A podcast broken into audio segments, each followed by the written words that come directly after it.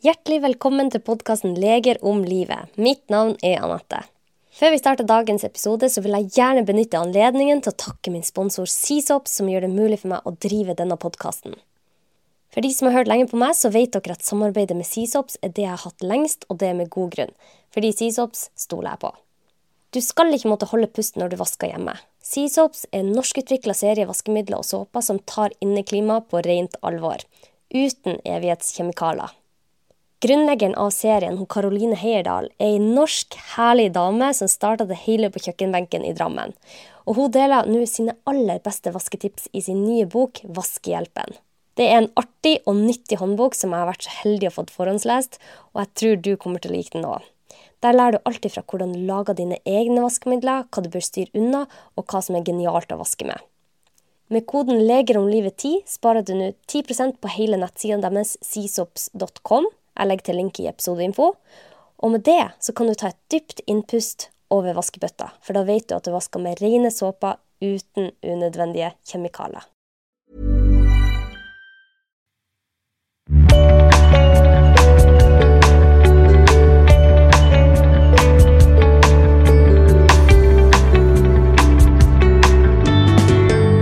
But Chris, welcome to the podcast. It is a joy to be here. I have to introduce you. Okay? Go for it. Uh, I'll so- correct you if you. Uh, if I say anything wrong. Welcome to the podcast Leger om livet, or Doctors on Life, as it's called in English. My name is Annette Dragland. I'm a medical doctor, and my intention with this podcast is to make useful, fun, and important knowledge about body, mind, and health easily accessible to us all. Uh, today, I have the pleasure of welcoming Dr. Chris van Tulleken to the podcast. He's a renowned physician, broadcaster, and author, and uh, Dr. van Tulleken has made a significant contribution to medical science and public health through his research and public outreach. Today, we will discuss his latest book, Ultra Processed People Why Do We All Eat Stuff That Isn't Food and Why Can't We Stop?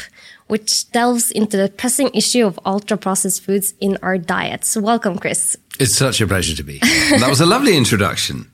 Yeah, I wrote it Very myself. flattering. Very flattering. Uh, uh, how's your trip to Norway going? well, it's better since you brought me this um, incredible lunch. If you're like, I've never done anything where someone is presenting me with. I don't know if this is we can see this, but there's a, a, a glowing hot uh, package of these incredible oat cakes that I'm going to share with my mother-in-law and publicist on the way home. So anyway, I'm gonna. Can I eat while we talk? Of course, Chris. Uh, because yesterday I was at your talk with Marit. Mm-hmm. You and Marit uh, Kolby had a talk about ultra processed food, which was very, uh, it was a very good talk, important talk, and terrifying talk. Well, it was it was. I hadn't understood really the the, the audience would contain sort of the Norwegian podcasting health royalty, so it was anxious making everyone be there. But it felt like it was a good it was a good vibe in the room because the the room was very small at the library, so I Yeah. could, if anyone was on their phone or looking bored, you could see. So it it felt like it was just such a lovely engaged crowd who who who wanted to understand detail.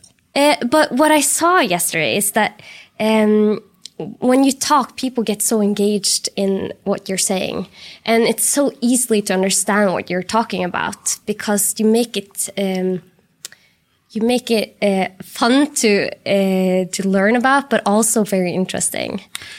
I think people are engaged because what I'm saying is extremely obvious. And I think science is interesting in, on, in two ways. It's either because it overturns your whole understanding of the universe and your own life. So the theory of relativity changes everything we understand about like space and time. Yeah.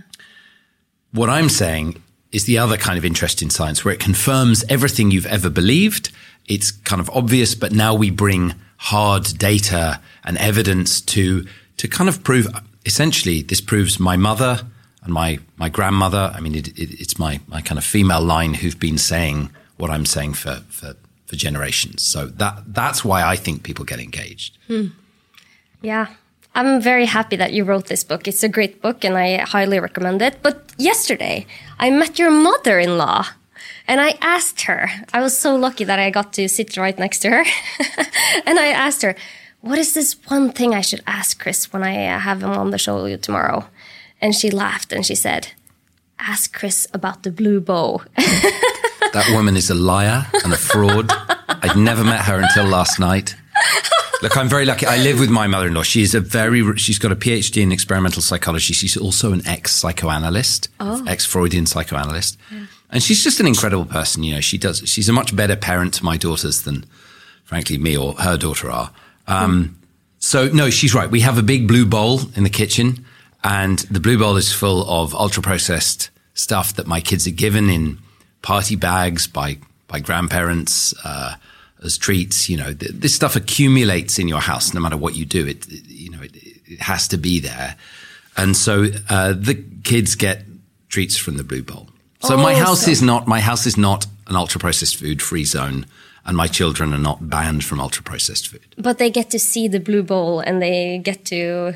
It's interesting. it The blue bowl is visible in the kitchen. Like when you, it, it's up on a shelf, it's quite noticeable, and the, the the UPF is spilling over the top of it, so you can see it. I wonder if we should hide it more, so it's not so much in their eye line. But the, I don't know. The the girls are okay. They don't constantly nag about it. But after dinner, they. Sasha, my three-year-old, will go blue bowl, blue bowl. You know, So how often does do they ask about it? after dinner, most days they get something. So, for example, they will get a piece of chewing gum.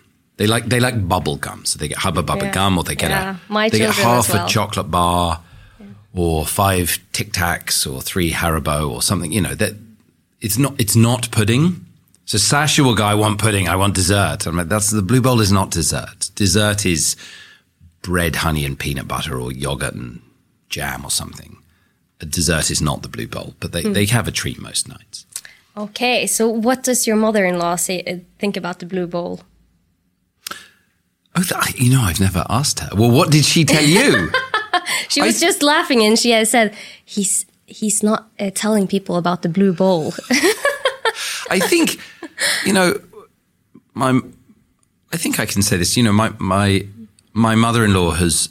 I, I think she would say she has she has struggled with food as I have, as as many of us do for many years, and so I, I think she's a really positive influence in the household, where we don't make food shameful. We don't have uh, food is never banned, uh, and and she I think is a reminder to sort of talk about it always with with an eye on sensitivity. I think particularly I, I'm my wife's pregnant. We're going to have three girls, and my wife is a is a journalist in in fashion. So I'm very aware, particularly in girls, that um, you've got to be very careful how you discuss food, diet, weight, health, Yeah. um, good food, bad food. yeah. Um, and we can talk about that in more detail. But um, overall, I, th- I think Christine approves of what we're doing. I don't know. She never gives any advice. I was just talking about this with Wolfgang on the on the previous podcast. Yeah.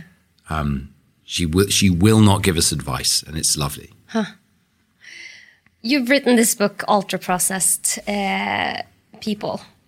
And uh, I'm wondering then, why should we care if our food is ultra processed? Or let's reframe it.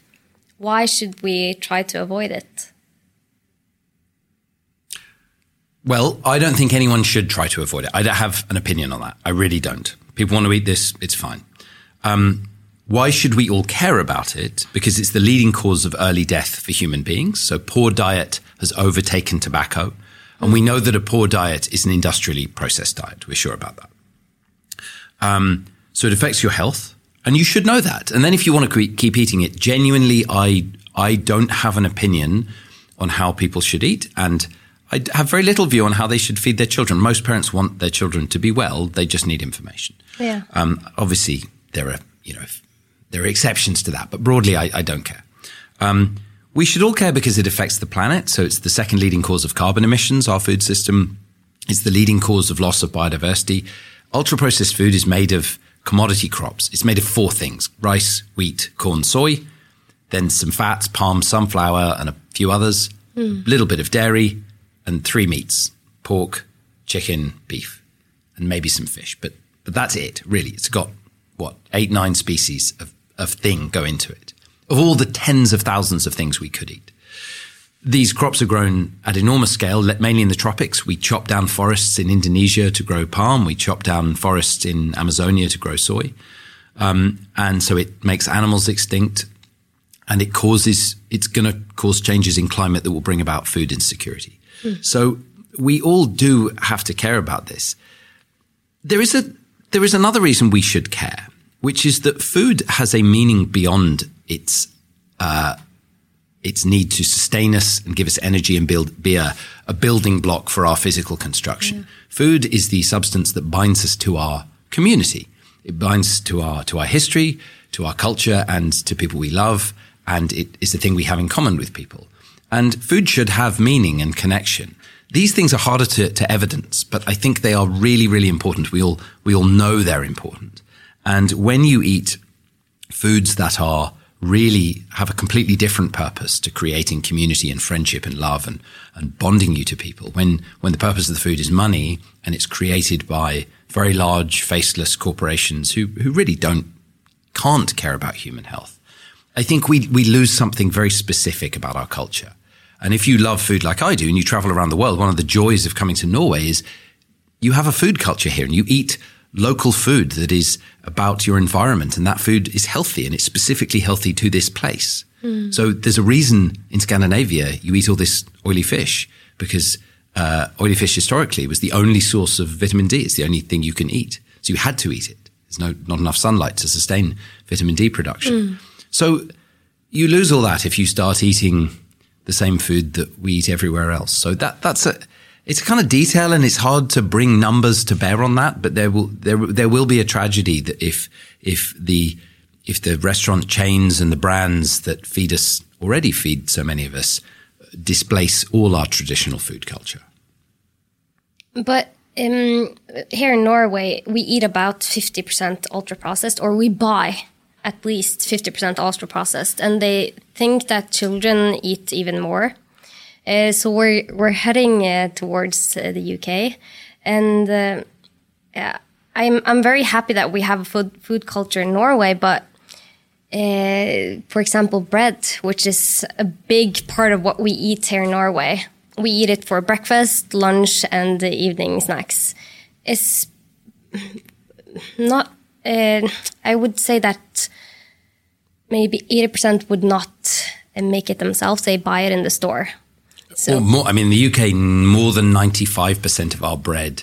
We're also a bread eating nation. You know, yeah. we all the all our sort of cereal agriculture, Northern European nations, we're bread eaters, mm. and um, and yeah, our bread is not bread. I mean, bre- bread, traditional bread, is conceived by you know po- ancient populations all over the world as, as the stuff that gives us life. I mean, bread bread is a is a metaphor for food. It stands in for all food. Breaking bread, you know, and uh, it should have really three ingredients, or maybe you put in some other stuff for flavor or texture.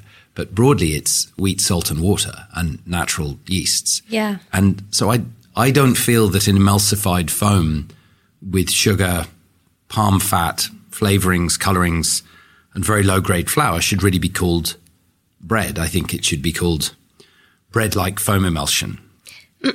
We're going to go to why um, ultra processed food isn't the, the best for our bodies and our minds. But before that, when we talk about bread, uh, it's difficult uh, because the bread in here in Norway, at least, it says it's full of fiber, mm -hmm. it's good for you, it's whole grain. Mm -hmm. uh, before the talk today, I had to like I had to uh, Google uh, the the bread that is called the children's bread in Norway. What it it's the ingredients of the children's bread. Oh right, can you read them out? Do you want to hear it? and it says so. It's Can you so show me many, a picture of it? It's so many labels on it, and it says it's so good for our health. So I was uh, thinking, okay, this must be good. Uh, well, they only show that. Uh, that but okay, but this it, is like a standard loaf of loaf. Of yeah, it's a normal bread, and it it uh, the ingredients is water, wheat flour, fully formed wheat, collected dry, sunflower seeds, wheat gluten, barley malt extract, yeast, salt, vegetable oil, rapeseed dried wheat, sourdough, flour treatment agents E300, emulsifier E471, E472E, enzyme amylase hemicellulase, fully hydrogenated vegetable fat, rapeseed, and starter culture. Okay, And that's that's the bread that's called the children's bread in Norway. Okay, so we can. There's a lot. I mean, we could now do the next three hours just on that ingredients list Yeah. and the ways in which that bread will be uh, less healthy than real bread. Um, but there are a few things that really stand out. So one of the things, the first ingredient is is uh, flour. Fine. Um, but you notice later on that wheat gluten appears. Yeah, So yeah. gluten is the protein from wheat, and gluten is the thing that makes bread strong and stretchy. So high protein flour is the, pro- the flour you have to use to make bread. If you make bread, you use a different flour. You use strong, high protein flour compared to the cake flour. Cakes are all crumbly. They're not they're not strong like bread. Now, the first ingredient is flour. It's very low quality flour. It's had the gluten taken out of it. It's been highly processed. They then back add the gluten to give absolute control over consistency. So the bread that you buy today, I'm imagining that bread has been available in Norway for many years.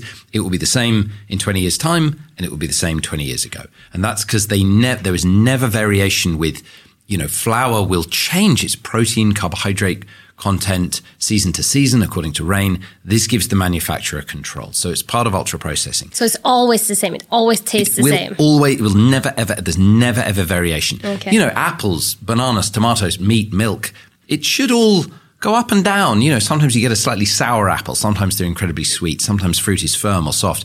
Natural food has variation according to weather and soil and uh, wind conditions and sunlight. Um, that is not allowed with ultra processed food. So the second ingredient that really alarmed me that I've not heard of before is amylase. Now, you will remember, I think, from either high school or medical school, hmm. the experiment where you take white bread and you chew it in your mouth and you notice it starts to become sweet because Yeah. this is the first thing you learn. In fact, I did this, I think we did this when we were like 15 at school. Yeah, we did in it's, high school. It's pre-medical Yeah. school. You have an enzyme in your saliva, salivary amylase, that breaks down starch and turns it into glucose. So they're putting this enzyme in bread in place of adding sugar. And the enzyme, I suspect, will be working either in the bread as it sits on the shelf or will work during the manufacturing process to create sugar from starch. So it's the bread will be sweet, but they don't have to write sugar. But the, some of the starch will be turned into sugar. So they only add, you add starch and amylase, you end up with sugar, but you haven't had to write sugar on the label. It's so clever. Then there's E E7, E472E, which is diacetyl tartaric acid esters of mono and diglycerides of fatty acids. So that's one of the most common emulsifiers. It's called Datem. Why do they use that? So um, it, it is exactly how emulsifiers work in bread.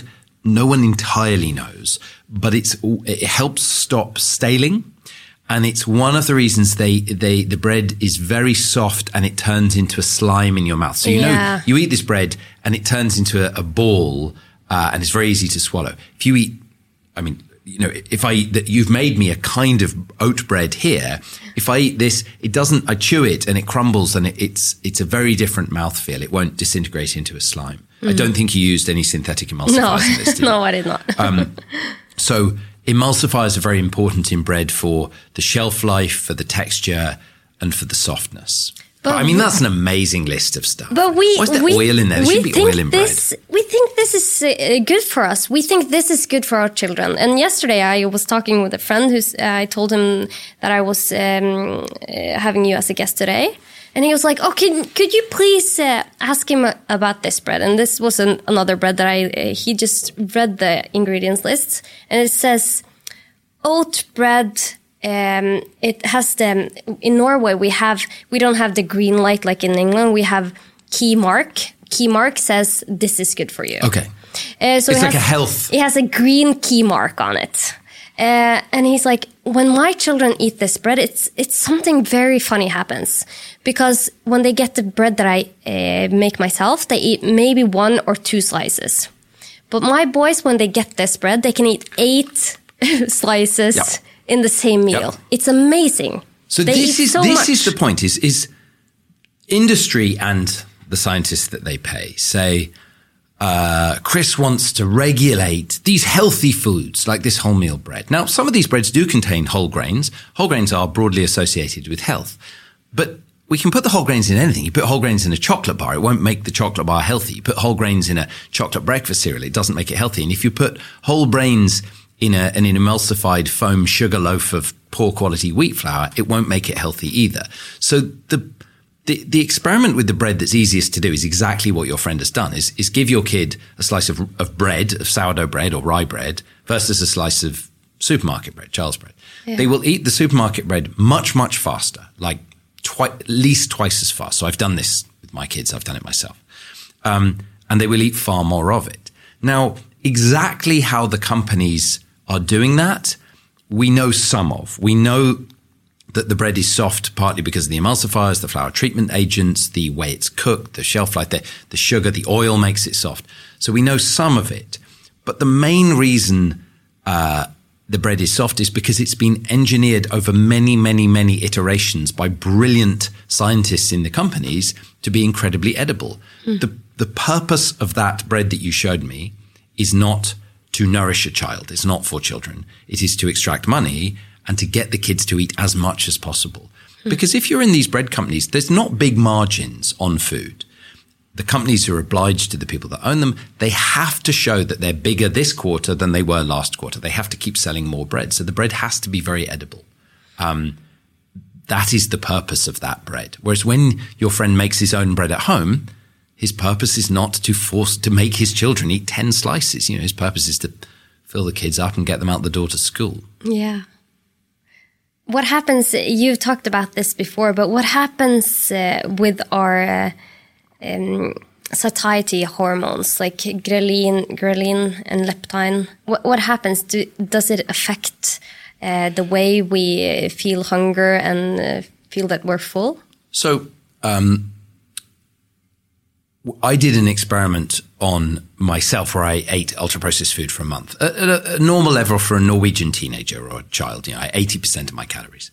Um, eighty um, percent ultra processed. Ultra processed food, mm-hmm. and we measured lots of things. But one of the things we measured was my hormonal response to a meal, and what we saw was that the satiety hormones uh, at the end of the meal rise much much less. So the short term signals there are I mean, getting in, there is nothing more boring in my view than satiety and hunger hormones. They're incredibly confusing. They all go up and down. There are long term ones, there are short term ones. It's very complex.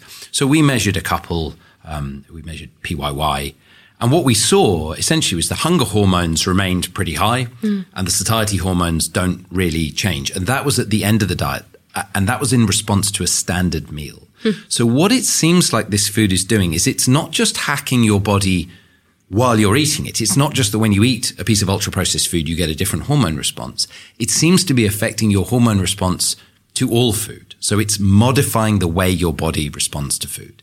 And we don't really understand why that is. I think one really interesting idea is that part of the project of ultra processed food is there is UPF for every occasion. So as soon as you get up in the morning, you can have some for breakfast. You then have some as a snack on the way to work. You stop at the gas station. At work, you might have a biscuit, a snack before lunch. Then there's ultra processed lunch. You're never, you're never, you're never satisfied, but you're also never hungry. And so the, the mm. constant eating that ultra processed food promotes may be, may be part of the derangement. So it actually makes you just eat more. Yes. So mm. the way we, the way the thing we are probably surest about with ultra processed food, there's sort of, if we want to be sure of our hypothesis, there are several criteria we have to fill. We've got very good population data that the category of ultra processed food drives health harms. And we've got these big studies, pretty robust. They're not perfect because no big data studies ever are, but they're, they're, the kind of studies that we use to link tobacco to cancer mm. and uh, and and we've got lots of them. But to really say we're sure that the food is causing the problem, we then have to go: Is it plausible? Have we got experimental evidence? Is it mechanistically uh, logical they would do this? And actually, it is. So the best evidence is that ultra processed food is generally very soft and it's very energy dense. Now it's soft because humans quite like eating soft food. It's incredibly easy. So if you think of those products wherever you are throughout the day, whether it's the soft bread, the breakfast cereal that turns into a into a sludge, the um, the biscuits that crumble very quickly, uh, the the sandwiches you eat for lunch, all of it is soft. Even the UPF pizzas, the burgers, the crisps. I mean, you think of crisps as not being soft because they're hard, but as soon as you eat them, they dissolve in your mouth. You mm. know, the softness means you consume calories at a rate your body can't keep up with. Hmm. And we've known since the mid 1990s, we've done lots and lots of human experiments that soft, energy dense food drives excess consumption. You, essentially, you've eaten a thousand calories. I mean, if you think of a fast food meal, 1,000 to 1,500 calories, so easy to consume. You can eat that meal in f- less than 10 minutes. You know, it's And so it, would, fast. it would take two hours if you ate cabbage and if broccoli. you if you ate 2000 calories of like a steak Yeah. uh, if you ate a, a steak sandwich Yeah. so a piece of meat between lo- pieces of sourdough bread with some some salad on the side versus the same number of calories in uh, a burger between in a brioche bun where the meat's all chopped up and, and the bun's emulsified and you eat french fries same number of calories you know it will take you a tenth of the time yeah. and you're not there's all that social stuff that goes with food that you stop doing so you don't release the fullness hormones. Now the the softness is important but the energy density is really important as well. And the food so we think of things like um, a lot of ultra processed food doesn't feel dense. This like rice cakes or popcorn. It doesn't feel dense. It's per gram it's incredibly energy dense because it's bone dry. So although a big da- bag of popcorn doesn't feel heavy per gram of it it's got a lot a lot of energy. And this means that you are putting mainly the fat and sugar into your gut much, much quicker than your body is adapted to eat it. And we think that that, is, that drives the excess consumption because you don't feel full. We think that's also what's driving addiction. Hmm. So that's kind of one of the main mechanisms we think that ultra processed food is driving weight gain in terms of all those other health outcomes like cancers and inflammation, we have to look at other aspects of the food to point to why we think they're causing those problems. But we have really good, plausible evidence in every instance. Uh, so th- two things there. You you mentioned addiction. We have to talk about that because I think a lot of people can see that they get that they feel like they want more of it. They get cravings from ultra processed foods. Um, but before that, you mentioned that your body can't keep up, and I think that's a, a very important uh, statement because you're giving your body something that it is not um, made for. It has never Yeah. ever been made food like this, Yeah. and uh, just humans are three hundred thousand years or something. We've never eaten this before the last twenty years, thirty years. So Depending on when you start, yes. It hasn't been a big part of our diet Yeah. for more than four or five decades in, in the States and less in Norway. I mean, Yeah. in Norway, you haven't been eating it for too long. No, we haven't. So our body can't keep up with it. It doesn't understand what happens, but it gets all these pleasure hormones and we want more of it. And a lot of people feel like it's their own fault when they can't stop eating it. Yeah. Because uh, we have free will and we can decide what we want to eat uh, whenever we want to eat it. So many people that I meet in my patient office, they say that uh, I, I just don't understand why I can't stop eating it. Yeah. I know it's not good for the me. self stigma is so big, and and in fact the the people who argue most against. So I, I've been very clear when when I in my book when I talk on podcasts, willpower is not a part of this discussion. It should not be a part of a policy discussion. It has no role to play. People who gain weight do not have less willpower than people who do not gain weight. They have mm. genetic differences driving different food motivations. Hmm. The argument against me is often from people who live with excess weight because they feel like the evidence of their own life is they are weak willed because they pass a restaurant or there are there are biscuits on the table and they end up eating them. Yeah. I would say if people are listening, people in, are listening may feel skeptical about this. They may say, well, you know, they could, I choose not to eat the biscuit. They could also choose not to eat the biscuit. To get inside the head of people who have genes for obesity, uh, is fairly easy. You have to imagine that you're thirsty and there is a bottle of water on the table in front of you. Now you can resist that water for some time, but eventually it becomes impossible not to drink the water or your entire psyche is on the water because you want it so badly. And that is like being inside the brain of someone with genes for weight gain. And I know that because I have those genes. Yeah. I've been tested by lots of colleagues who studied the genetics of obesity. I have all the genetic risk factors. Now I'm protected by all kinds of things in my environment, but I'm not protected by willpower. If you put, if you put the foods I love in front of me, I'll, I won't be able to talk to you. I'll just be, be focused on them as a smoker would be on a pack of cigarettes or uh, someone who is addicted to a drug of abuse would be focused on a, you know, a pile of cocaine in front of them. So th- we know these foods are very addictive. So they are addictive because it's uh, there's so many people that say that it's not addiction. And you know that because like food is something we all have to eat. So the, the dilemma for a long time has been there have been two problems with, with saying with food addiction. First of all, food doesn't contain addictive molecules. Now, some people say that sugar is addictive. I don't think there is much evidence for that in terms of if we have a bowl of sugar on the table here, neither of us want to eat the sugar. If you put sugar in water, it becomes less delicious, not more delicious. It's not, sugar is not actually very nice. You know, you might eat a bit of honey, but no one eats spoonfuls of sugar or very rarely. Fat is also not addictive. You know, we don't, none of us eat butter by the spoonful or drink oil. Hmm. Now, if you mix fat and sugar, a little something happens. But if you mix olive oil and sugar or rapeseed oil or lard or butter and sugar, it's not very nice. Again, no one really does it. To drive the addiction, you have to wrap up your sugar fat molecules in a special package with texture, flavor, color, branding, a clever box, an elaborate shape, uh, a concept, um, flavor enhancers, salt, acid. There's a whole set of processing, we call it ultra processing, that drives the addiction. In the end, the molecules that give you the reward are the fat and sugar, but they have to be put in a package that delivers them correctly. And this is true for almost all addictive molecules. So um, if you think of nicotine, we think of nicotine as the addictive molecule in a cigarette.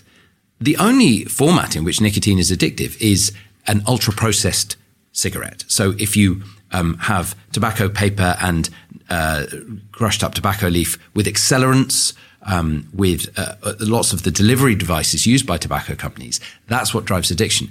Traditional tobacco is used in indigenous communities in North America in the pre-Columbus era. They weren't all addicted to tobacco products. Chewing tobacco is not very addictive, and nicotine gum is not addictive. Nicotine gum we use to treat addiction, and we see the same for methamphetamine, extremely addictive when you snort it or you smoke it. Methylphenidate is a drug we use to treat children with attention problems. Mm. You can go through almost every drug of abuse and the speed of delivery is incredibly important. So ultra processed food is taking molecules that are rewarding but not addictive in, in I mean this this has fat and sugar in it.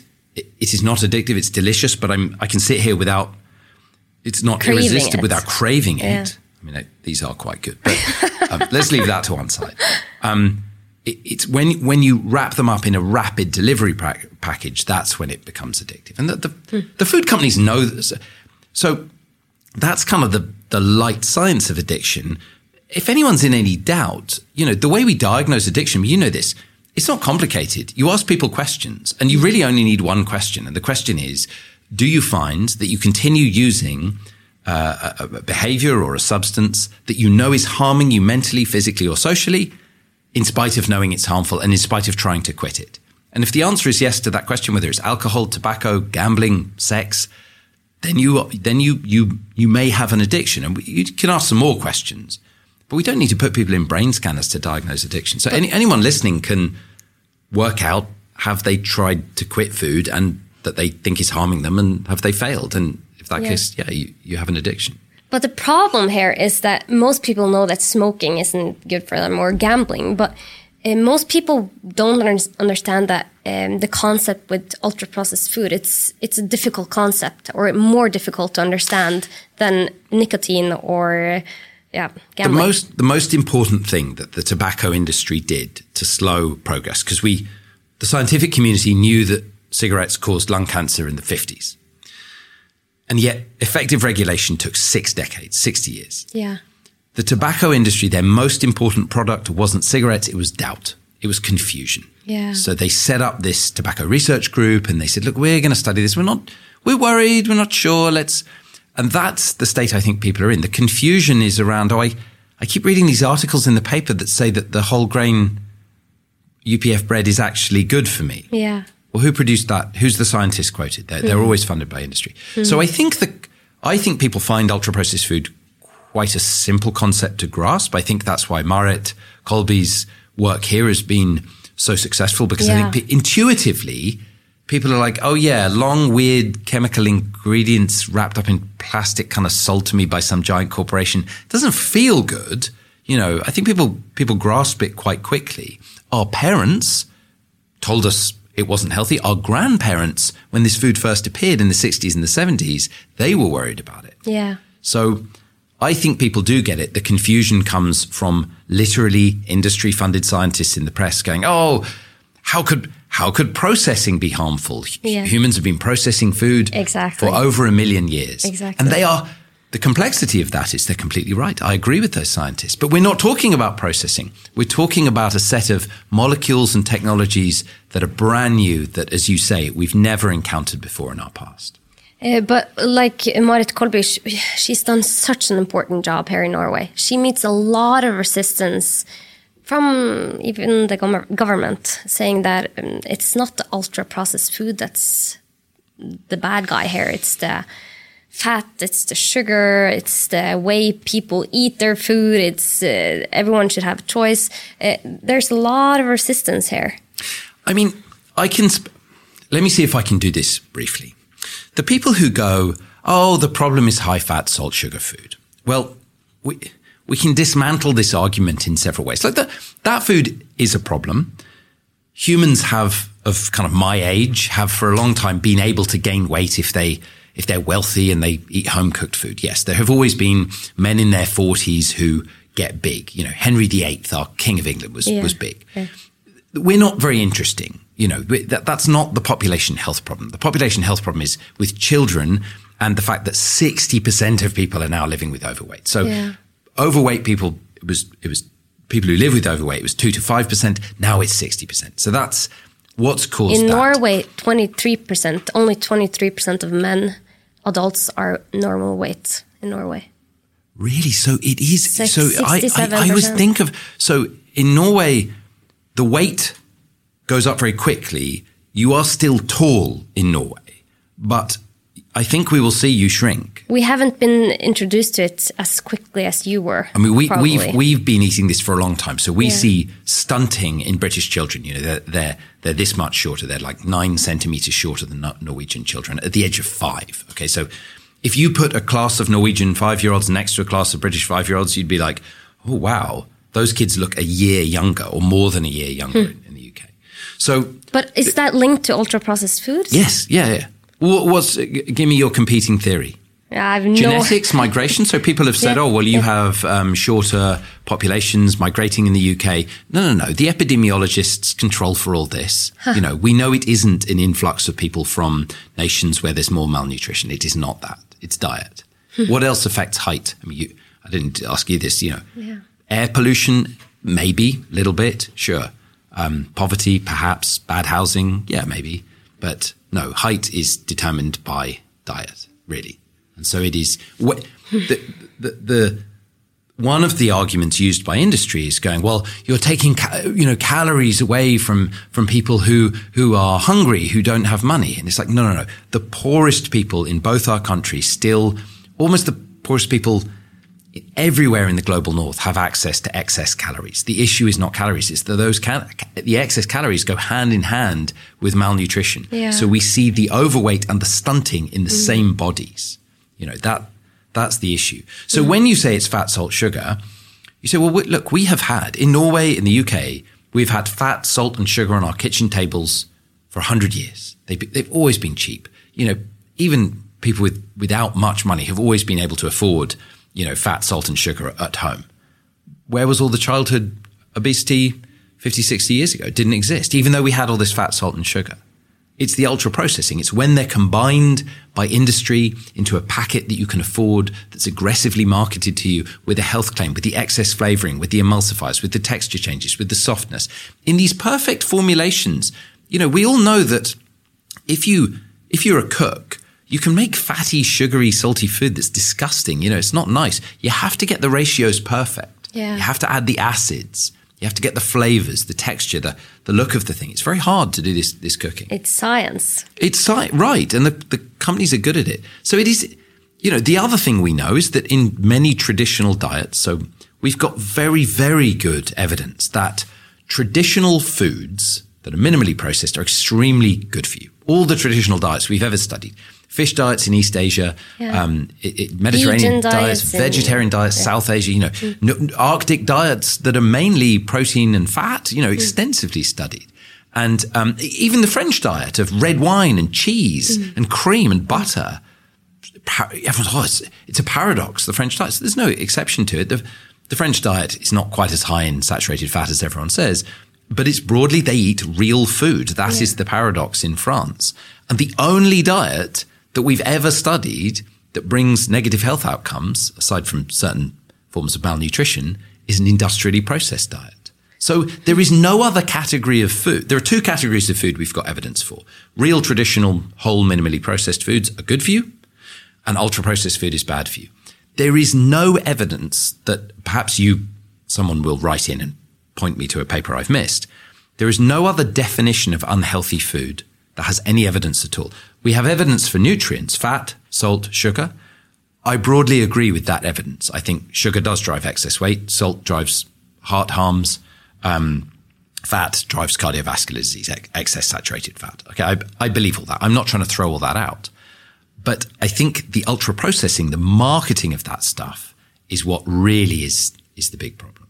The, the final bit of evidence, just to go, I just want to beat people over the head with this because the argument has no validity. So the final bit of evidence is that we have lots of data that people who buy fat, salt and sugar in ingredient form are much healthier than when you buy the same ingredients uh, in industrially processed food. And the epidemiology data, and we talked about this last night, all makes adjustments for fat, salt, sugar, and fiber. And the effect seems to be the processing, not so that obviously scientists are not morons, right? The teams at Harvard, at Imperial, the epidemiologists, the best epidemiologists in the world, when they study this food, the question they're asking is, is this just fatty, salty, sugary food? Do we, like, do we need to reinvent the wheel here? The question they're asking is, is the processing important? And in all, so my PhD student did an analysis of this and he looked at all those statistical adjustments in a big systematic review that we published together. And he showed that in every single paper, they make almost every paper, they make adjustments for the nutrients and they see the effect remains the same. Doesn't matter how much salt, fat or sugar you're consuming when it comes to outcomes like early death. What's, what matters is if they're in ultra processed form. Now, I'm, I'm not saying that fat, salt and sugar play no role, but I am saying ultra processing is really important. Industrial processing drives excess intake. how Sorry, the food is is made. But you've mentioned some uh, some uh, risk factors by eating ultra processed foods.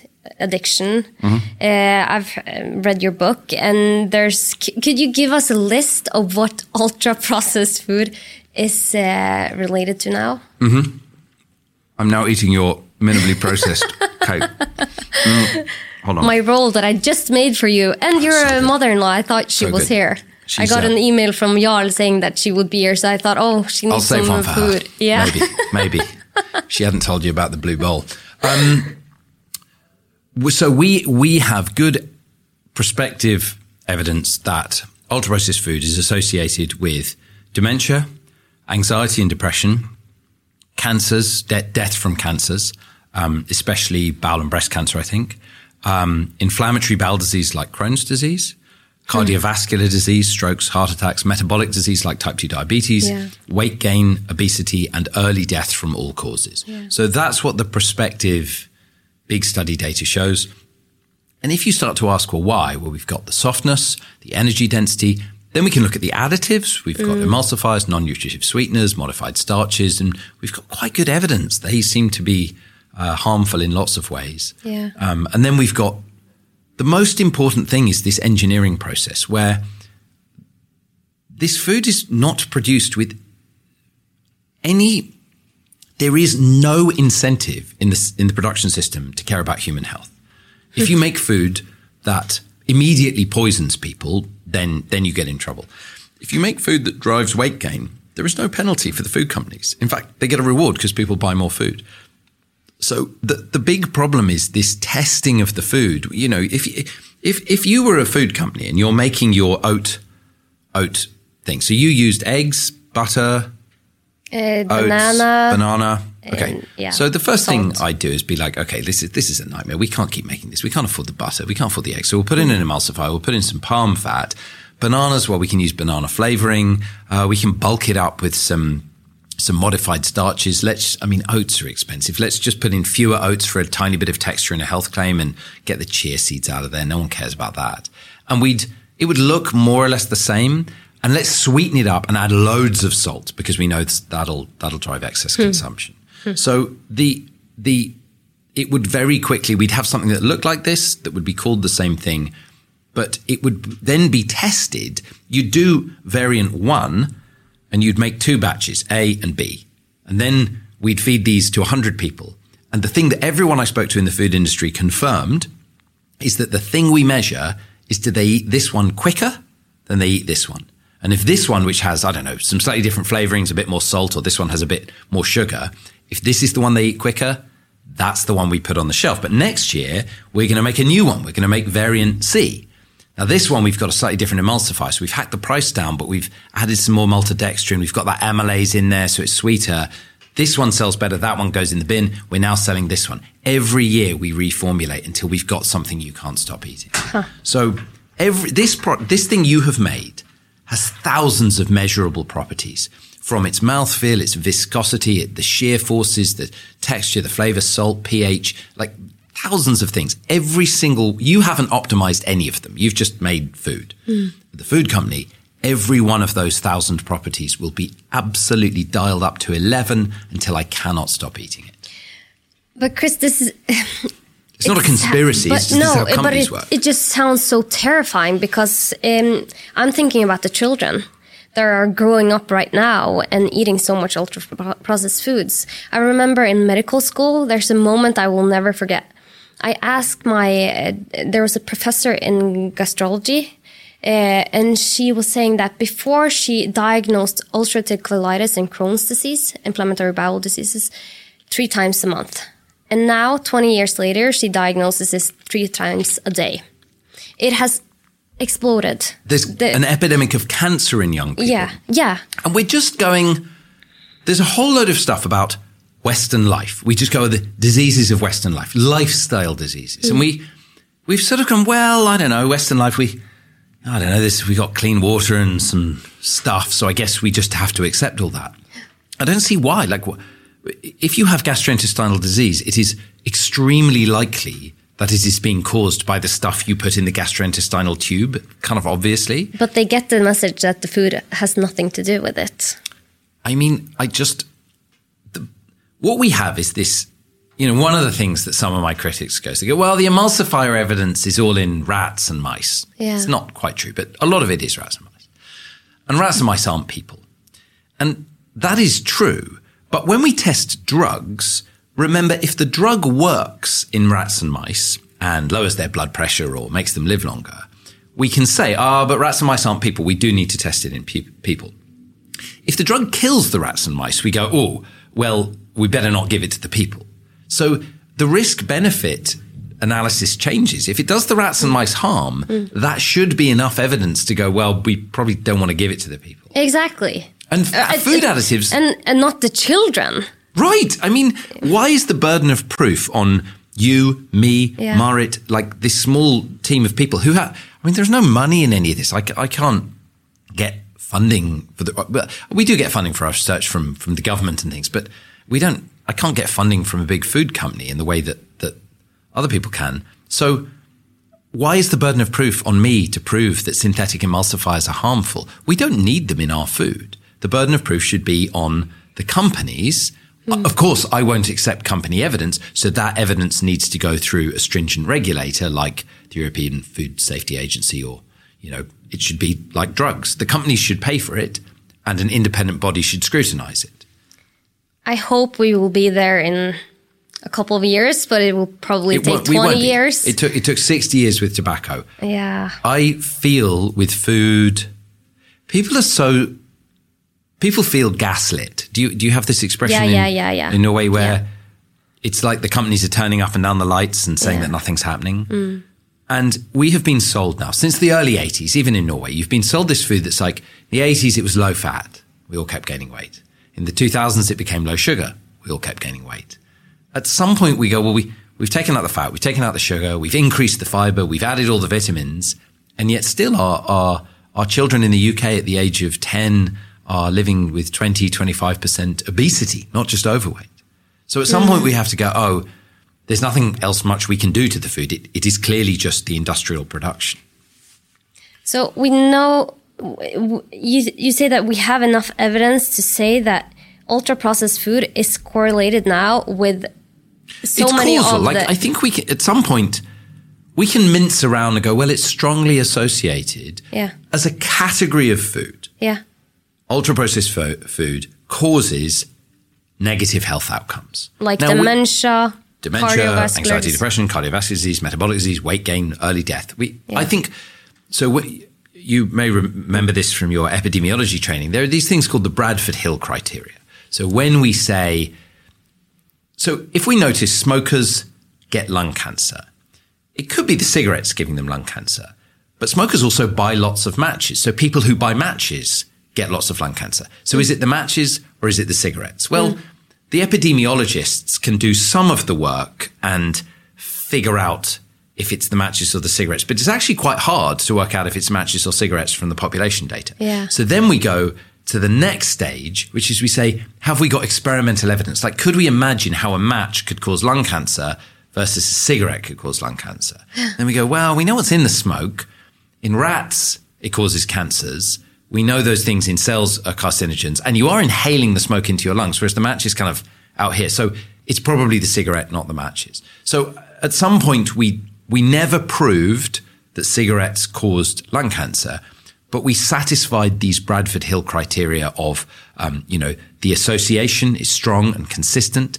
It's graded, it's dose dependent. The more ultra processed food you eat, the greater the harms.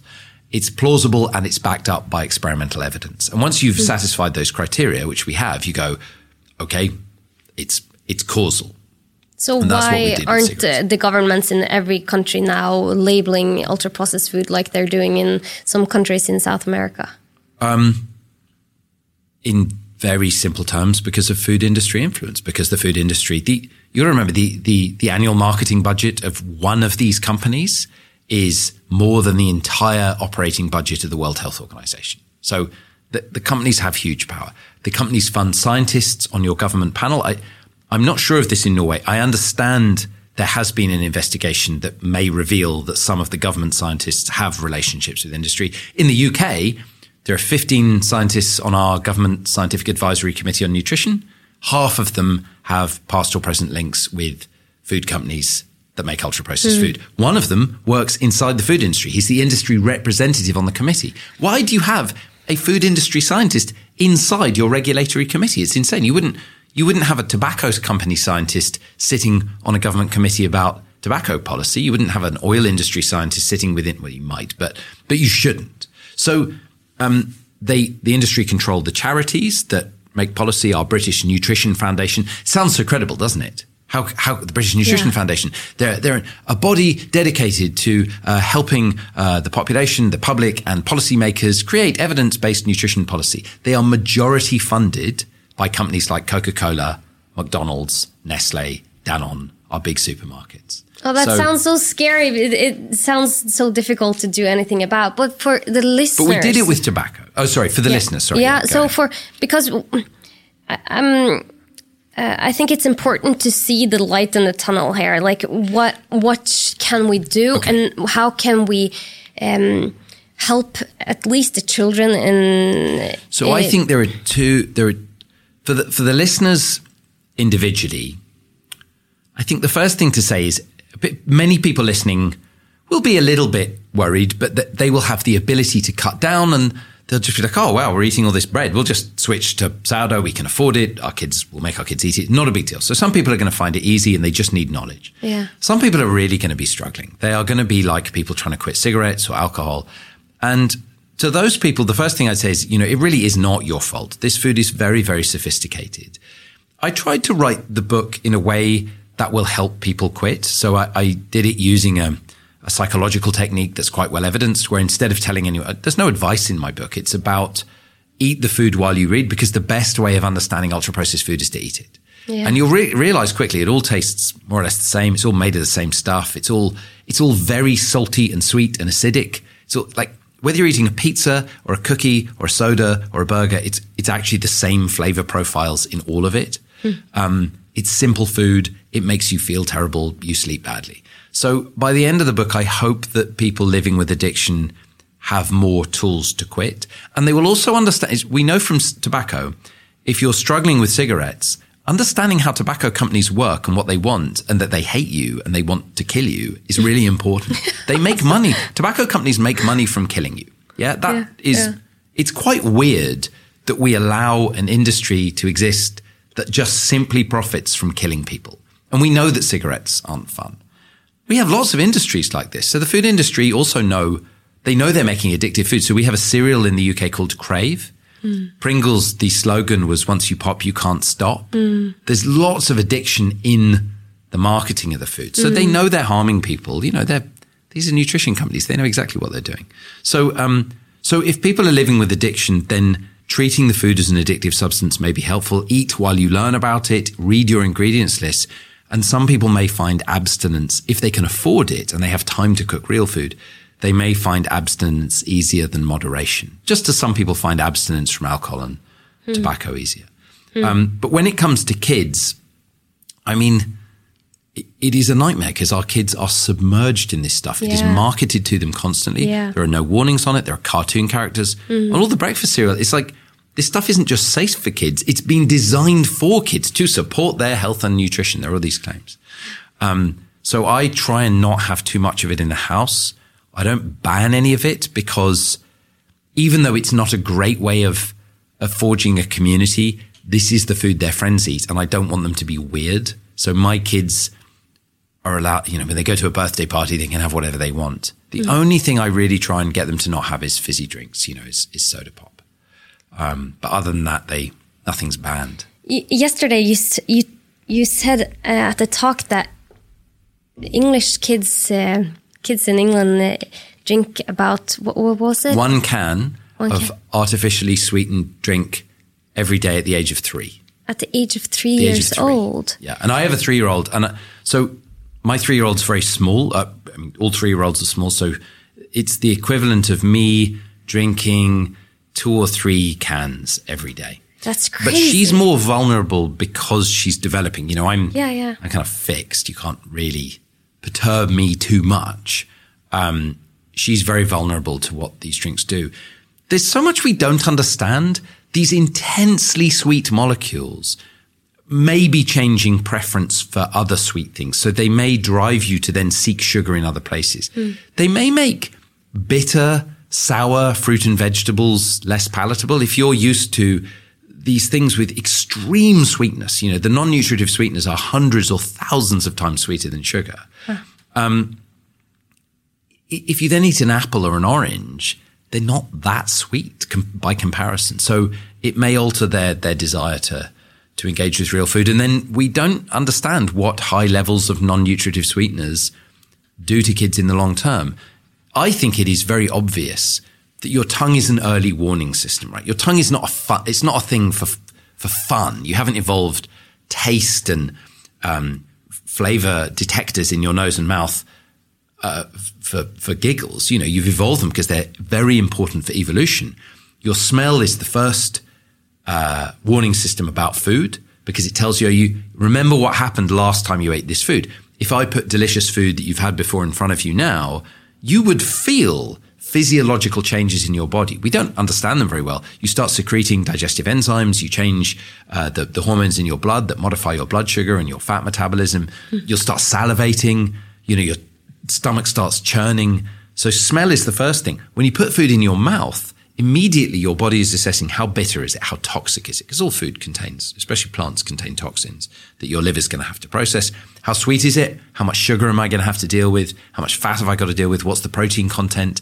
The umami is telling your body about the amino acids that, that, are, on the, that are on the way. Hmm. so if you put food in the mouth that tastes fatty, but the fat is all modified starch and synthetic gums, it tastes sweet, but the sweetness is all non-nutritive sweeteners. It tastes umami, savory, but there's no protein in it. It's just uh, glutamate, inosinate, and guanylate. um, flavor enhancers. What kind of confusion does this create inside? We know almost nothing about it other than the sweeteners, which we think are are not harmless. Um, the rest of it, I think we should be worried, but no, no one's no one's ever asked these questions. They seem among the scientists who study them, people are really worried. But to investigate them costs millions of pounds, and simply no one is investigating what is the effect of adding, you know, gums instead of fats. In Norway, we actually recommend d- drinking diet sodas instead of, of uh, normal sodas, and we even had a, this. Uh, we have a, this program on uh, our on NRK, which is the biggest. Um, what do you call it? TV-kanal? in yeah, National Public. I love that we have another podcaster in the room that you're I'm talking so, to. I'm It's so, happy cool. we got to. I was like, uh, do we have to be secret that Wolfgang is here? no, Wolfgang's there, and he's fixing the. Let's bring Wolfgang into this discussion. you should have had a microphone, Wolfgang. no. I'm, Yeah. I'm just a producer now. So, But did you see the show Folkeopplysningen? Yes. Where they said that uh, diet sodas, it, it's no problem at all. They even put the child in a bathtub full of diet sodas, I think. Okay. Uh, and I wasn't mean, you, it you know, something you've like trained that? in dermatology, like a bath of phosphoric acid. I Oh, maybe I- they didn't do it. No, they put them in sugar or something. But e- either way, they said that there was no problem drinking diet sodas because it's no calories, it's nothing. It's it's you just okay can't. You cannot know anything about the human body and make that claim. yeah. You cannot think that putting intense sweet taste on the tongue and then no sugar arrives is neutral. You cannot think that drinking drinking strong acids does not have any effect on your body. Hmm. You, you you can't imagine this stuff, and mainly they also contain they almost all contain addictive caffeine as well, which yeah. Yeah, So- and it disrupts your sleep and a Right. lot. and it's unnecessary. It's drinking fluid that your body isn't asking for. It's like what I just cannot understand that. And what do you think, Wolfgang? Do you think uh, that in Norway we we don't think that diet sodas are harmful, or what do you think? I think it's uh, just like the banana and fruit debate. If we find something comforting that uh, we can substitute our um, the evil stuff like Coke and soda and chocolate and everything, and Yeah. we found like uh, a health alternative. Yeah. We stick to that and we believe in and we trust that. We that's want to believe want. it. So that's that's the solution for our uh, sweetness craving, I think. Yeah, I think, yeah. I mean, there's a discussion about are they more harmful than sugar sodas? I, differ a little bit from some of my colleagues. So some of my colleagues who I really trust in the States, you know, very senior nutritional scientists would say they, some of them feel very confident that they are better than the sugary sodas. I, I feel that we have much, we know what sugar does. We know how it harms us. And I, I would Hmm. we know the ramifications of it now. I but- would probably rather my kids drank a sugary soda than an than an artificially sweetened one. But I think both. What we what we know is that the sugary ones are harmful, and I feel like the non-sugary ones are about as harmful. They, they might be. agree. I think if someone said, "I strongly feel they're a little bit better," I'd be like, "Okay, I buy that." I don't. I don't care. They're Mm. yeah. both equally harmful. Yeah. and uh, The problem is that people think that there's one harmful and one not harmful, and that we can drink it as water.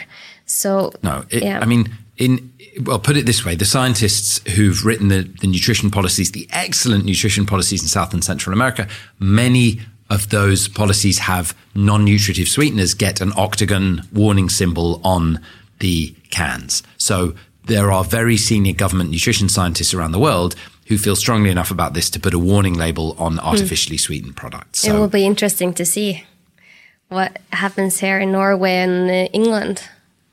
Uh, before you're a very busy guy, and I'm so lucky to have you here, and I'm so lucky that I got to uh, borrow uh, Wolfgang Wee's uh, office today, studio. Uh, but yesterday, I posted on my Instagram that you were coming, and I asked if someone had questions. oh, did you? And I got I probably having on my phone. 300 questions, so we don't have time to go through all of them. But I wrote some Can you them send them down. to me on? I've got to. I've got to. I find social media is ultra processed. It is for me extremely addictive. I I struggle with my phone and my apps, so Yeah. I try and be abstinent quite a lot. Yeah. So um, uh, I wonder if I if you can send them to me anyway. We, we, we're in touch, so I se- can send, me send them some questions, you. and I can see if I can Absolutely. do something on Insta. Yeah, because there's a lot of great questions, and I think my listeners are more interested in health than the main population. But I hope this, I, I would wish that y- what you're saying would reach out to everyone in Norway because it's so But important. your listeners, my book will of course be read by the people who least, least need the information. Like the people who buy my book are generally eating yeah, five, ten percent ultra processed food. Um, but those people are the campaigners, they're the activists. They often have resource, power, the ear of politicians. They they have influence, and so they they often spearhead uh, policy change. So I'm I'm I'm happy to speak to kind of all levels, Yeah. so that so that you can you can because we you need this structure to change. And anyway, But I feel like um, a part of my heart is always with my patients, and um, a lot of my patients would not get this knowledge if they hadn't gone to me as a medical doctor with their health issues. So I wish that this information was highly available for everyone, and that's my purpose to make it as available as possible. But I've seen in my practice so many times people getting better from all kinds of diseases when they change what they eat. Uh, and I even tracked 10 people for half a year, just seeing what happens to people when they stop, all, uh, don't eat ultra processed foods. They eat whole grains, they eat vegetables. What happened to them after six months? And it was incredible to see. Like one of the participants, she had a very, um, um, what do you call alvorlig? Um, what's alvorlig? Serious uh, kidney problem. And she got so much better from Yeah. her kidney failure. oh, it's uh, well, Marit picked me up on this last night. I forgot to mention they are associated with kidney disease as well for reasons we don't understand. I don't think. Yeah, and I, I could see month by month for her. And I just want to emphasize that there's there, it's not anyone's fault if they eat 100% ultra processed food now because No. the information hasn't been uh, available for everyone. Yeah, and real food is expensive. And if you are dri- if you're on a long drive on the motorway, I bet in Norway it is nearly impossible to buy real food. You know, no, it's impossible. you know. you you won't get even fruit on the highway. But um, what I'm trying to say is, we we don't have to.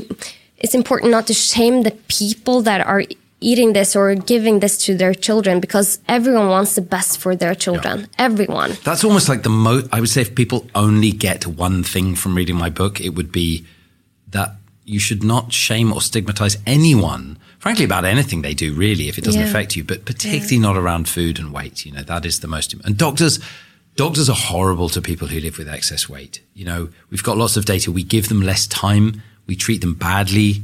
We patronize them. You know, doctors are often a big part of the problem. Yeah, but I can read that through all throughout your book that you're very conscious about this, and that makes me so happy that you're you're talking about this in such a, um, a respectful way because uh, people try to do their best at all times. And if this information can go out and change someone's diet, they would quickly eh, feel it. They would feel that they're they get more energy. They get um, they feel better. Their weight might normalize. They uh, they can see it on their skin, on their bowel. Like everything changes once you change your diet. But to do that, you have to get the knowledge because if not, you will buy the cereal which says high in fiber and low in salt. It's great for you and your family. It, it's difficult to navigate in this jungle of information if you, you're not as direct as you are, Chris. So I'm very, very happy that you're doing this work because I know that you get a lot of resistance and it's it must be difficult. Well, it's it's very nice to hear that. I mean, I have some very wonderful allies who keep me who keep me on the straight and narrow. I mean, I think the the most important thing is a community of healthcare professionals who do not work with the food industry. Who do, like I speak, I have friends who work in the food industry. I go and talk to the food industry. Yeah. But the second I take a single solitary penny from that those companies, I become an extension of those companies. Hmm. Because you can't take money from someone and then criticize them. It doesn't it doesn't work. You can't go, well, I'm going to take a load of money from a big company and then say they're bad. People are like, well, you, we took their money hmm. and you sign a contract. Whenever you take their money, you Yeah. sign a contract saying, I won't criticize the company. That's the bigger thing. Oh. So the, there is a real problem in the UK. There are very few media doctors, people like you, or, or, all our UK equivalents to you have maybe not all, but most of them have relationships with companies that make ultra processed food. They have podcasts that are sponsored, they're investors, they front brands, they produce products, hmm. you know, and that they are the, they are the biggest problem for me because, because they are so respectable and people look to doctors more than, you know, rightly or wrongly, more than almost any other profession is, you know, we've signed an oath saying we will tell the truth, we'll look after our patients. Hmm. And so the doctors who can be bought are, they are the most, most troubling people. The people in the food industry, well, they're just selling food. That's what they got to do. Yeah. Luckily, there's a lot of people now engaging in this, like you and Marit Kolby and myself. I'm trying as my best to change uh, the way that. And you're not about to sign a sponsorship deal with Coca-Cola. No, I will never, never ever. So, uh, as long as we're conscious about this, we will make changes, and it will change um, year by year. my ask, my the work of my kind of academic lifetime will be to see an octagon on a can of cola in the UK. If, I, if I can, if when I die there are black octagons on cola, Yeah. I will die a happy person. That that that is what we have to do, and it's it's clear, it's evidence based. Creates great clarity. It's not an infringement of people's liberties. It doesn't restrict choice. It just gives people information and a warning about stuff we know is harmful. I hope you get to live and see that, and I hope it will happen next year. I really appreciate that. Okay, well, let's take three questions before Okay. we uh, go. Um, hmm, what should I ask you? Hmm, I got so many questions Ask here. the hard ones. I like the, you know, because people may be hearing the counter arguments in the media from scientists who are funded by the food industry. You know, you've asked some of these already. Anyway, Yeah, so you, yeah, you ask yeah. the questions. You ask the questions. Uh, well, one question that I got a lot that would be great if you could answer is Is all ultra processed foods equal? Is it equally as harmful to eat the whole grain bread as to eat the cookie? Um, I don't think that focusing on individual foods as being good or bad is ever helpful. Broccoli is not a healthy food. If you try and live on broccoli, you will die quite soon. You can live much longer on burgers. So, but broccoli in the context of a diet with lots of other stuff that's a bit like broccoli is a really healthy thing to eat, whereas a diet based around burgers is generally less healthy. So, um, pointing at ultra. So let's compare whole grain ultra processed bread with uh, like I don't know, uh, uh, you know, one of those uh, bars that has no ingredients that you would ever use in a kitchen. That all it's all synthetic, weird, Yeah, yeah, yeah. modified starches and things. Now, the, or, or or a chocolate bar. You know, now the the chocolate bar, if you were to eat the same number of calories, the chocolate bar probably would be more harmful. I think we could we could guess that, and it wouldn't contain any whole grains. The problem is that the chocolate bar, we all kind of know that, so we don't actually eat that many chocolate bars. The risk with the bread is it's the foundation of our diet, and we eat it for breakfast and lunch and hmm. dinner. Yeah. and so I, I think it's it's complicated. Hmm. The, the the evidence is all about the category of food, and I think whenever you try and like give me an, an example of an ultra processed food, and I'll tell you the reasons it may be harmful. The food without calories, we've discussed how it may harm you. The, the breads contain the emulsifiers, the flavorings. They're soft. They drive, they're energy dense. They drive excess consumption. The mm. chocolate bar will have emulsifiers. It will have high sugar and fat content. Like, it's very hard to point at any one food and go, but this would be okay. Because it's all made in a system that is about making you buy the next thing as quickly as possible. That's the purpose of the food. So I, mm. I can't think of ultra processed food that I would call healthy compared to its non ultra processed equivalent. But what what if it only has one ingredient that is uh, like Well, one that's a great example. So, so, uh, it, it, like, so, so, well, a chocolate bar might well just have an emulsifier, you know, or, um, uh, uh, uh, let, let's say a ready meal, you know, a microwavable lasagna or something.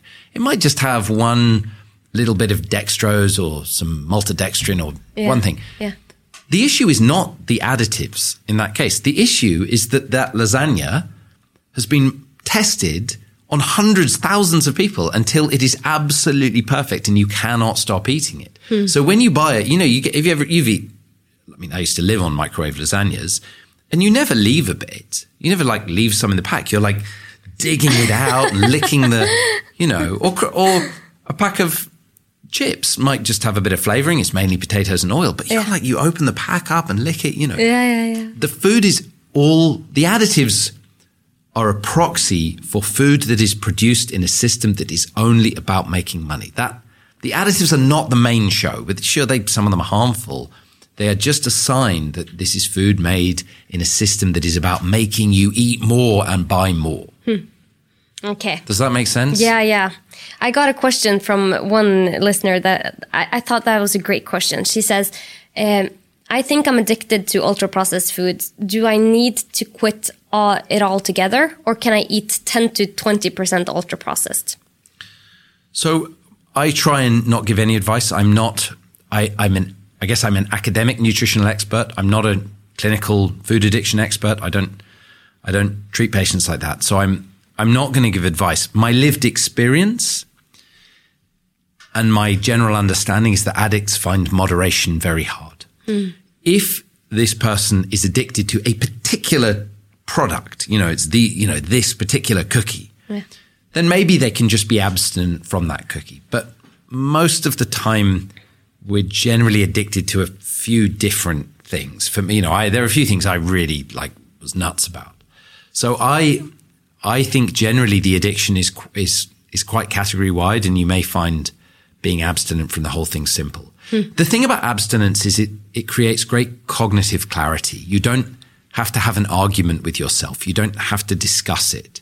You just have it's binary and it's easy. Yeah. Um, so that that's my experience. But I think if this person is asking the question, they are ninety five percent of the way to solving the problem. Because if you start first stage of all addiction treatment is recognizing the problem. If you have insight, you are you know so far down the line toward toward getting help, Yeah. getting treatment. But and addictions are all complex. You know, I, I, I lived with an addiction to UPF, but it, it was never driving ill health. My brother in the States, in different circumstances, you know, was really eating to excess. So sometimes we can manage our life and then we need to sort our life out and then the addiction will clear. We'll stop smoking or drinking or. But what did you do? Because you did a 30 day trial and you, you could see on your MRI scans that. Yeah. So, but what my, my, my MRI scans are very hard to interpret. We, we haven't scanned loads of people eating UPF diets. We don't, we don't really know what would happen to children. Um, they resonate with an idea of addiction. But I had this very weird experience of midway through the diet, talking to colleagues in Brazil, I stopped wanting the food. They like flicked this switch. So a lot of people find with addiction that you can suddenly switch. How, we- how did they, they switch that? so um, the, this this and I, I will. I, I said this to Wolfgang as well, but I'm happy to repeat this because if if I can do this on your podcast to someone who can't afford the book, it's going to annoy my publicist Jarl there. But I, I would rather someone was helped than bought the book. Um, they said to me, they kept. It was a scientist called Fernanda, and she kept saying to me, "It is not food. Food is about nourishment, love, community. That's why you make it. This food is about profit. It is an industrially produced edible substance. It's not food. And we were talking about how it's made. So it's, it's made from, like when I say it's made from rice, wheat, corn, soy, it's not made from those whole ingredients. If you're a corn farmer, right, you grow corn, you harvest it, and then you turn it into modified cornstarch, high fructose corn syrup, corn oil, and corn protein isolate. The soy, similarly, soy protein isolate, soy oil, soy starch. You break these crops down into their molecular components. These pastes and powders have infinite shelf life nearly. You ship them around the world and you reassemble them into dinosaur shapes or chew bars or breakfast cereals or breads or whatever. So it's not food. It's like you've you've taken a plant, but you've destroyed it, extracted some molecules, and now you've reassembled this thing that you can eat, and it is calorific, and it will sustain life in the barest possible sense, hmm. but it will not do anything else. And and as she said this, it was, I didn't engage with it. It was when I sat down that evening to eat. It was a meal of KFC. In the book, it is not KFC for narrative reasons. I'd already mentioned KFC, so I talk about a hmm. different product, but it was KFC. And I just, it was just disgusting. I was like, and the food tasted the same, but the, the switch that was flicked is I no longer, uh, liked the food and I didn't want it anymore. So I was eating it. It tasted the same, but I, I just could sort of imagine, you know, once you know about the companies that make your food, they're not these, these, like lots of our food is just made by giant conglomerates owned by pension funds. These aren't like food companies. They, they're companies that do commodity training, uh, trading. Some of them own technology firms. I mean, they, just do a whole bunch of stuff. They're just like massive transglobal corporations. Mm. They're not food companies. But but you could see on your MRI scans that something changed. So well, no, you couldn't see that. So the weird thing was the I became unaddicted, but we we you couldn't see that switch flicked on the scans. Probably because we weren't looking hard enough in the right place. I'm only one person, and, and because no one understands that neurology. So we know it happens, and lots of people listening will have had this in a human relationship where you can be intensely attracted to someone and then suddenly very quickly be like, oh, you know, love and disgust are quite closely linked. And especially food, we can, food we can very quickly be disgusted by. So if I, there's some great disgust experiments where you can do where if you take a glass, this is, I mean, this is going to everyone. You can take a glass and you can spit into the glass every five minutes for an hour. And at the end, you'll have a little cup like this full of saliva. Now drink the saliva. You can't do it. It's absolutely, you can't even look at it. You can't even think about it. But you were going to drink all that saliva anyway. It was in your mouth. Yeah. So, so this, we're always on the edge. You know, if I take this food and I, if I were to just put it on the floor for five seconds and then put it on the table, it's suddenly disgusting. You don't want to, you don't want to eat it. So something switched. Yeah. Inside. So food is always is always we can always be disgusted by our food. It's it's if you see a fly land on it. So I'm trying to I guess, I mean, I'll wear this. I'm trying to slightly manipulate the reader. I mean, I'm open about this into feeling disgusted by this stuff that isn't food. That's, that's, that was, I felt like that was a gift given to me and it's what I want to give to the reader. What the did book. she say, Felicia? Uh, uh, Fernanda said, Fernanda. Um, this is not food. It is an industrially produced edible substance. Industrial produced edible substance. Yeah. It's mm. not food. It's not food. And if you read, so anyone listening to this, like people are listening, they'll have a pack of whatever. Get your pack and read the ingredients and you'll see things like some of it like palm oil. Like why is palm oil in your biscuit? So palm oil is a traditional oil. It's used in West African cooking. It's delicious. It's spicy. It's bright red. That's not the palm oil in your Nutella or your biscuits. That the palm oil in your biscuits is being put through this refined bleached, deodorized, interesterified, and then hydrogenated. It's this RBD process. And it's turned palm oil into an ice white, hard, butter like substance that contains no nutrition. It's just raw calories. Hmm. So even when you read things that feel like food that you might buy, do you notice, you ever noticed mango kernel fat? No. So if you eat a mango, you know, you eat a mango and you're left with a, a nut in the middle. Yeah. If you crack that husk, yeah. there's a there's a giant cashew nut in the middle of it. It looks like a cashew. Really? Yeah. Now you can't eat that. It's very bitter and disgusting. It's not good fat. But you can take that waste, you can put it through this RBD process and you can turn it into an edible fat. You can take any plant or vegetable, extract the fat from it, put it through an edible oil refinery and end up with fat that is non-toxic. Huh. So co- cottonseed oil, hmm. cottonseed oil's quite poisonous, very disgusting the, the, in the 19th century, uh, the, the, a massive step in food processing was to turn, was to detoxify the cottonseed oil and create Crisco, you know, in the first margarines. And you'll see cottonseed oil still available in the States. It's naturally, it's a poisonous oil. You have to detoxify it. So, so is it, is it, po- my point is not to go, palm fat is poisonous. My point is just to go, you're not eating a thing that is real food. You're eating something that's been massively chemically modified mm. and transformed. So it, it came from a palm tree, but it is nothing like mm. um, palm fat. What did you? What do you do yourself? Do you eat any uh, ultra processed foods? I eat it to be polite.